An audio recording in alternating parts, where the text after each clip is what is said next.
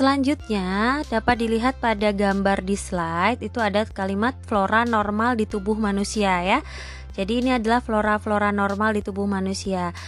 Ya, jadi di tubuh kita itu secara normal sudah ada mikroorganismenya yang kita peroleh sejak dari keluar dari kandungan ibu perjalanan menuju kelahiran ini juga ada paparan mikroorganisme ya paparan ini akan masuk melalui kulit, akan menempel pada kulit, kemudian masuk terhirup, tertelan. Nah, sehingga itu akan menentukan uh, jenis mikroorganisme yang ada di tubuh kita.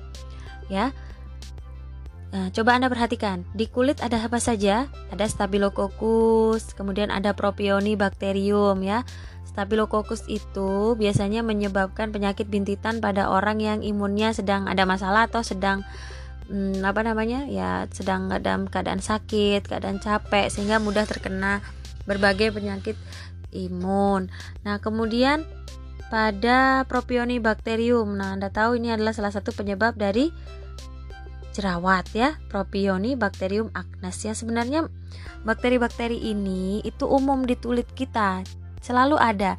Hanya saja kapan dia tiba-tiba menyebabkan jerawat, kapan mudah menyebabkan apa bintitan atau udunan gitu ya nah itu kapan nah ya ketika ada luka kemudian imunitasnya sedang turun sehingga dia akan dapat menunjukkan diri dengan cara muncul seperti bentukan jerawat atau bentukan abses. Kemudian pada saluran pencernaan Anda bisa lihat ada apa? Ada Enterobacteriaceae seperti Escherichia coli, Klebsiella, Candida, Pseudomonas, Enterococcus, kemudian ada Lactobacillus ya. Kemudian ada uh, Candida juga ada di saluran cerna. Nah, ini artinya apa? Ini padahal bakteri-bakteri yang sering kita jumpai menyebabkan penyakit seperti Escherichia coli. Ini bisa menyebabkan penyakit yang parah, diare yang parah.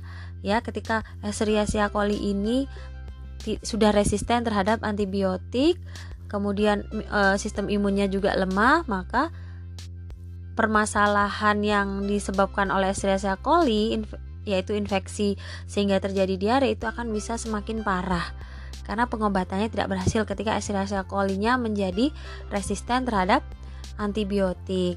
Kemudian Anda perhatikan lagi pada saluran genitalia ada Lactobacillus sp ya. Jadi Lactobacillus itu tidak hanya ada di usus kita, tapi juga ada di saluran genitalia kita.